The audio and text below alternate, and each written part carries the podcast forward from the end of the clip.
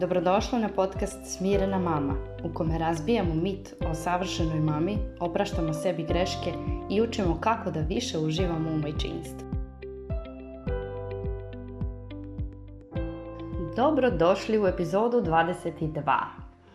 U prethodnoj epizodi smo govorili o tome da li treba imenovati osjećanja deteta i ova je tema onako... Mm, vidim da se javljaju oprečna mišljenja Uh, jedni kažu naravno da treba, kako će drugačije dete naučiti da prepozna svoje osjećanja i da i upravlja njima.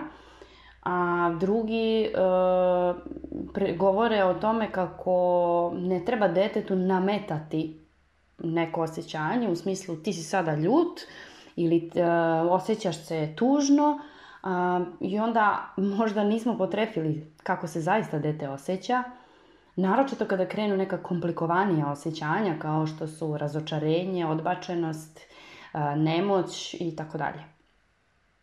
Ali ovde kada pričamo o deci od godinu, dve, tri, tu najviše, znam da me najviše prate roditelji dece tog uzrasta, onda su to najčešće emocije frustracija, ljutnja, bes, tuga, sreća, uzbuđenje, ushićenje, radost, dakle i prijatne i neprijatne emocije, ali ovde naravno najviše govorimo o tim neprijatnim emocijama. I ja sam pitala i e, svoje pratioce na Instagramu i većina njih je odgovorila da treba. I bila je jedna mama koja je napisala odgovor koji mi je odličan šlagvort za još jednu epizodu na ovu temu. I sada ću pročitati njen odgovor koji glasi. Ja sam imala istu nedoumicu u smislu da li treba imenovati detetu, detetova osjećanja. Jedan dečak je hipersenzitivac, drugi nije. Kod prvog imenovanja emocije ne pokazuje dobre rezultate, kod drugog odlične. Rečeno nam je da visoko senzitivnoj deci uglavnom ne prija imenovanje emocija jer još dublje proživljavaju sve. Treba ih samo snažno zagrliti i čekati da se smire. E sad, ja bih se samo kratko osvrnula na ovo, treba ih samo snažno zagrliti, zato što e, ne žele ni sva deca da se grle i ono što sam ja zapazila kod svog deteta koje je tako jako um, i, i jeste visoko senzitivna, ali je više, više onako ekstroverta, pa se onda to ni ne primećuje toliko. Um, ali ona ima ta, ta, ta, ta snažno osjeća sve. Um, e, ima jaku, snažnu volju i e, kada osjeća nešto, ona to osjeća na kub. I e, baš ću u ovoj epizodi više pričati o tom primeru i o tome kako sam ja naučila na teži način, na svojoj koži sam naučila da li i uopšte treba da, da se toliko upuštam u to, to prepoznavanje emocija, imenovanje emocija, uh, ili je ipak nešto drugo mnogo, mnogo korisnije i značajnije i potrebnije detetu. Kao što rekoh, ova, um, ovaj odgovor, ova, ova konstatacija mi je odličan uvod za jednu epizodu da dublje zađemo u ovu temu, u temu imenovanja emocija kada je dete pod emotivnim nabojem i zašto to ne funkcioniše kod neke dece. Ova mama je spomenula hipersenzitivnost, dakle e, visoko senzitivna deca su deca koja um, doživljavaju sve mnogo, mnogo um, intenzivnije. Dakle, te emocije koje proživljavaju su jako um, visokog intenziteta, ali ono što se dešava pored tih emocija je e, sram koji se javlja zbog toga kako se osjećaju.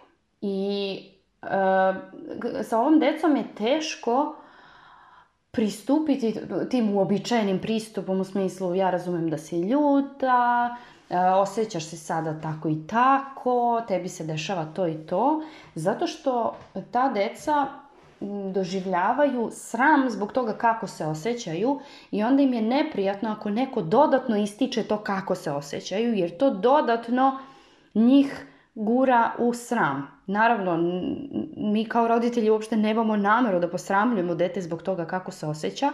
Namera nam jeste upravo da se dete ne srami toga što osjeća, da shvati da je to normalno i da svi doživljavamo takve emocije i da to što se njemu dešava nije ništa nenormalno, već da je sasvim u redu da se tako osjeća.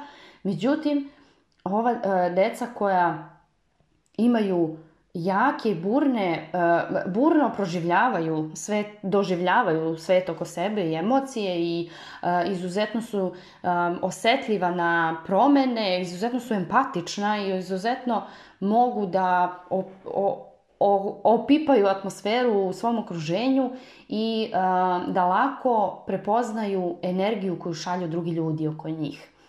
I dosta su osetljivi i kažem, kod njih je pristup prosto mora da bude drugačiji, isto tako se razlikuje od deteta do deteta.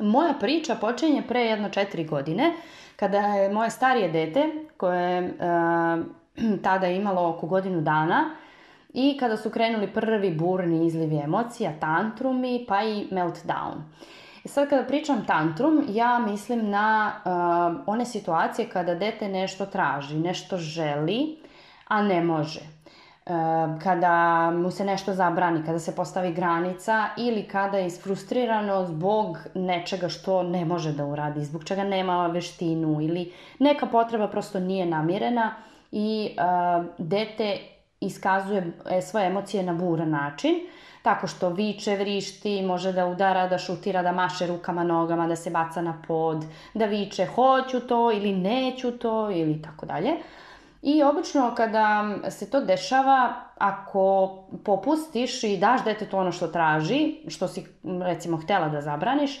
dete se vrlo brzo smiri i sve je okej. Okay. Međutim, kada to preraste u toliku preplavljenost emocijama, um, kada dete više ne može da se kontroliše, kada što god da uradiš ne vredi i ne može da se primiri, uh, čak i da, da, ono, da mu daš ono što je prvobitno htelo, to već prelazi u e, emocionalni raspad, odnosno meltdown, a to je, to je ona situacija kada dete plače i neutešno je i vrišti i baca se a, i činiti se kao da nešto nije u redu sa detetom, što sam ja mislila, jer mu to je umelo da traje i po 20-30 minuta i što, a, e, samo je bivalo još gore kada sam ja želela nešto da uradim što sam ja više pokušavala nešto, to je sve, sve više ona stavljala neki zid između nas, neki imaginarni zid i sve se više povlačila i sve nekako sve gore i gore je bilo. I e, ja jesam e, znala već dosta o tantrumima, ta tema emocionalne regulacije, e, regulacije nervnog sistema mi je bila izuzetno važna od samog početka, s obzirom na to kako je bilo moje odrastanje gde se nije obraćala posebna pažnja na emocije, taj deo razvoja je zanemaren, a smatram da je podjednako važan kao i kognitivni, motorni i bilo kakav drugi, e, bilo koja druga vrsta razvoja deteta. I e, nisam, ja sam znala dosta o tome, ali nisam shvatala i nisam znala, nisam imala primere i niko pričao koliko to može da m, bude burno i koliko to dugo može da traje i e, koliko to zaista zavisi od e, temperamenta deteta i toga kako ono doživljava svet i kako ono proživljava svoje emocije. Šta se tada dešava u detetu. I ovde želim e, prvo samo na kratko da se osvrnem na roditelje, na moje, vaše, naše roditelje. Činjenično stanje jeste da nisu oni imali mnogo informacija o emocionalnom razvoju. Znači, kad kažem zanemaren je emocionalni razvoj, u globalu jeste zanemaren zato što prosto oni nisu shvatali um, šta se tu događa, zašto dete plače, zašto viče neću, um, zašto odbija nešto, zašto tako burno reaguje, zašto ima tantrume, jer prosto im nisu bile dostupne te informacije, uh, ljudi iz njihovog okruženja nisu isto imali te informacije i onda prosto oslanjali su se na iskustvo e, iskusnijih ljudi. Dakle, ono, majka sluša svoju majku, babu, tetku, komšinicu i to je nekako tako funkcionisalo. I ja sam sigurna da bi moja majka drugačije postupala u mnogim situacijama da je znala ovo što zna danas. Jer ona recimo danas mnogo više zna o svemu tome preko mene, od mene uči mnoge stvari i e, mnogo je i drugačije ona sada doživljava neke stvari recimo kod moje dece, više ih razume i to joj pomaže da izgradi sa njima totalno drugačiji odnos nego što bi imala da nije naučila sve te nove stvari danas. I zato ostavljam po strani to osuđivanje, okrivljavanje, kao moji roditelji su krivi za sve, to da oni nisu tako radili, ja bi bila normalna, ja bi ispala dobro. E, prosto nisu oni sve, baš sve uradili pogrešno. E, Gledajući mene, sebe danas, ja smatram da su oni mnogo toga dobro uradili jer um, ipak su mi dali neku dobru, dobru osnovu. Ima tu dosta toga što su oni dobro uradili, uh, nećemo sad uh, osuđivati roditelje jer nikad nije to namera. Kada pričamo o tome kako su radili naši roditelji, šta su oni, e, kako su oni postupali, kako su razgovarali sa nama, koje su vaspitne metode koristili, uvek to govorimo iz te perspektive da razumemo kako je taj, taj neki e, obrazac uzrokovao ovo naše, naše današnje reakcije, emocije, ponašanje, da razumemo sebe mnogo bolje tako što ćemo analizirati odnos sa roditeljima u detinjstvu. I onda kada znamo te stvari, onda je nama mnogo lakše da mi radimo na sebi. A roditelji, e, ne treba da sada e, okrivljujemo roditelje, da se posvađamo sa njima i da ih optužujemo za neke stvari, jer prosto um, smatram da je to nepotrebno U redu je ako roditelji žele da pričaju o tome i da se možda tu nešto promeni danas u vašem odnosu, ali nije poenta uopšte da sada menjate svoje roditelje i da im dokazujete koliko su oni pogrešili, nego da jednostavno probate sa ovim što danas znate, da radite na sebi, da sebe menjate I onda ćete tako menjati i odnos sa roditeljima, postavit ćete bolje granice, otvoreni e, ćete komunicirati. Na neke stvari više nećete obraćati pažnju jer ćete shvatiti da nije do vas da ih menjate. I prosto tu, na taj način možete da poboljšate odnos sa svojim roditeljima danas, jer ono što je bilo, bilo je. I to ne možemo da menjamo. Svoje detinstvo, nažalost, ne možemo da menjamo.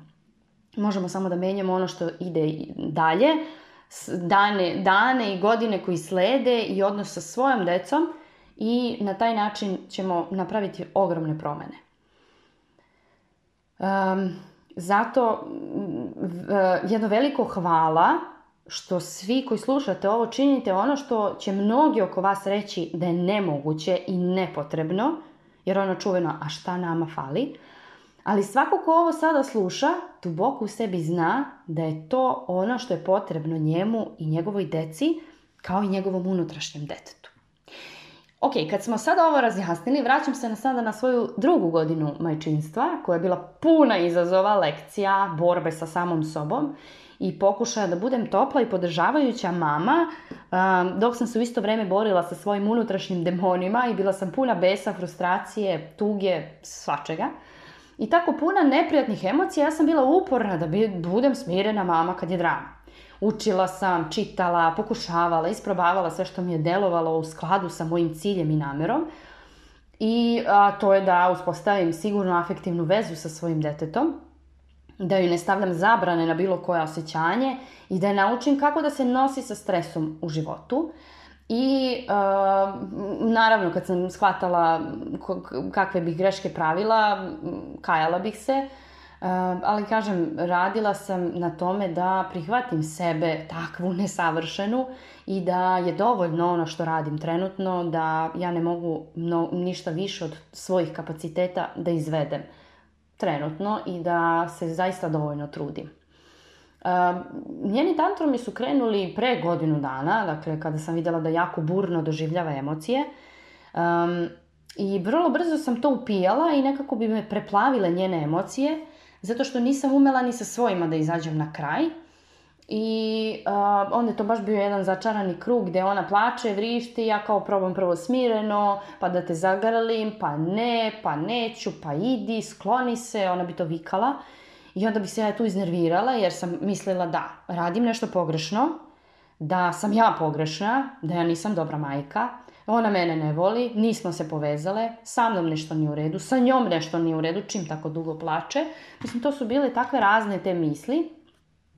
I onda je mene to Uh, u stvari vodilo u neku, neki stres, neku anksioznost i, i frustraciju, ljutnju, bes, I onda bih počela da vičem, dosta više, prestani da plačeš, ili bih se sklonila, ignorisala bih. I jedno i drugo smatram uh, totalno neefikasnim. Um, I kažem, e, e, situacije su bile takve da kada bi nju, ona bi e, vrlo brzo prešla u, u ta, to prepl, tu preplavljenost, u taj meltdown, uh, gde ona već toliko ono kre, plače i plače i plače i to je toliko um, intenzivno da sam ja stvarno mislila da nešto nije u redu, zašto ovoliko plače, uh, ona nije normalna, uh, E, šta sam ja to uradila, sam ja kriva za ovo, šta sam, nešto sam ja uradila pogrešno i dovela sam do ovoga, nešto sa njenim nervnim sistemom, sa njenim mozgom nije u redu. Mislim, ovaj, to su takvi filmovi bili, baš sam vrtala neke grozne scene u glavi.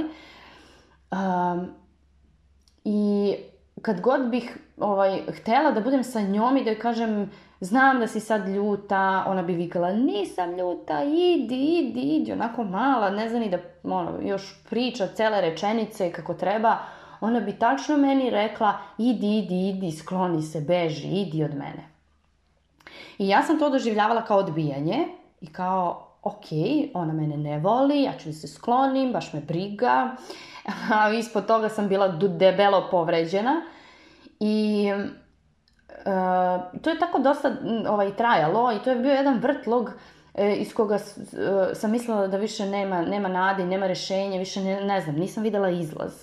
I um, dok nisam krenula da shvatam da ona mene tera od sebe upravo zbog tog srama koji osjeća. Jer osjeća kao da, da nešto sa njom nije, i ona je osjećala kao da sa njom nešto nije u redu, čim se ovako osjeća, A dodatno je to osjećala zbog toga što je videla da je meni teško da se nosim sa tim kako se ona osjeća. I kada dete shvati da ti, da tebi nije dobro, da ti ne znaš šta da radiš, da ti ne umeš da se nosiš sa time kako se dete osjeća, dete još više postaje preplavljeno to, tim, um, tom emocijom, um, ne, ne, e, tom nesigurnošću, sramom i um, prosto osjećajem nije bezbedno da se osjećam ovako. I kada se to, ta situacija ponavlja stalno, godinama, dete onda u svoj taj šablon i taj obrazac nije bezbedno da osjećam ovu emociju. I kada god se javi ta emocija, dete će učutkati, uh, isključiti, potisnuti i može kasnije ili da osjeća to, što osjeća, dakle recimo ajde sad ćemo uhvatiti ljutnju, osjeća ljutnju, ali je ne iskazuje, ne pokazuje. I to je zabrana na pokazivanje emocije ljutnje. Ali isto tako, neko može da razvije a, taj mehanizam totalnog a, isključivanja te emocije. Da uopšte nije u stanju da osjeća ljutnju, nego umesto nje, znači, kompenzuje i osjeća nešto drugo i, i pokazuje nešto drugo ili je potpuno potisne. Potpuno je isključi i odvoji se, potpuno se odvoji od te emocije.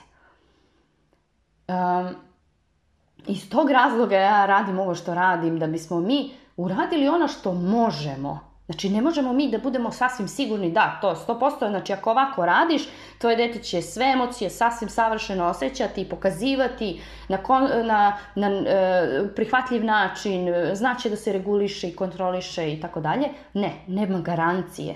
Znači, nema garancije. Ali jedino što možeš jeste da kažeš, ok, ja dajem sve od sebe i nadam se najboljem i to je to. Više od toga ne mogu. Hajde da radim ono što mogu trenutno, jer ja ne mogu ništa da iskontrolišem i sprečim da se desi. Šta god da uradim, to je ono što je do mene, a nešto je i do deteta kasnije kada odraste. Onog trenutak kada se desila promena i kada smo mi počele da se zapravo povezujemo, kada ona osjeća ova jaka osjećanja, je trenutak kada sam ja prestala da shvatam lično njeno odbijanje, i da razumem e, kako se osjeća upravo tako što sam ja razmišljala o sebi. Jer to njeno ponašanje me podsjetilo na mene i mene kad sam bila mala i sada, mislim tada, pre četiri godine, kada bih ja osjećala preplavljenost nekim jakim emocijama, ja nisam želala da niko bude tu jer sam se sramila toga kako se osjećam i nisam želala da bilo ko vidi koliko mi je teško I kako se osjećam? Zato što sam osjećala da će me osuđivati i da me neće razumeti. A sve to zato što kada sam osjećala te, te jake emocije u detinstvu, nisu bile prepoznate na način da ja osetim da je roditelj prisutan sa mnom. Znači, ne u smislu ti se osjećaš tako i tako, nego prosto da vidim da je njemu konforno sa time kako se ja osjećam, da me ne odbacuje, da mi ne zabranjuje da se osjećam na određeni način, nego da prosto ja shvatim normalna si, bezbedna si, volim te, prihvaćena si, kako god da se osjećaš. I upravo zbog toga kada sam ja počela da razmišljam o svom unutrašnjem detetu, da razumem kako se moje dete, moje unutrašnje dete osjeća, kada se, kada eh, se uh, odvijaju, o, kada, se doži, kada doživljavam jake emocije, jak intenzitet emocija, kad pričam jake emocije, to je i intenzivne, da razumem da se povežem sa svojim unutrašnjim detetom, e tek onda sam mogla da se povežem sa svojim detetom. I tu se desila magija, bukvalno, ja kažem, to je magija koja se desi, kada ti prvo zagrliš svoje unutrašnje dete, a onda ćeš mnogo bolje i lakše moći da budeš prisutna za svoje dete koje je ispred tebe.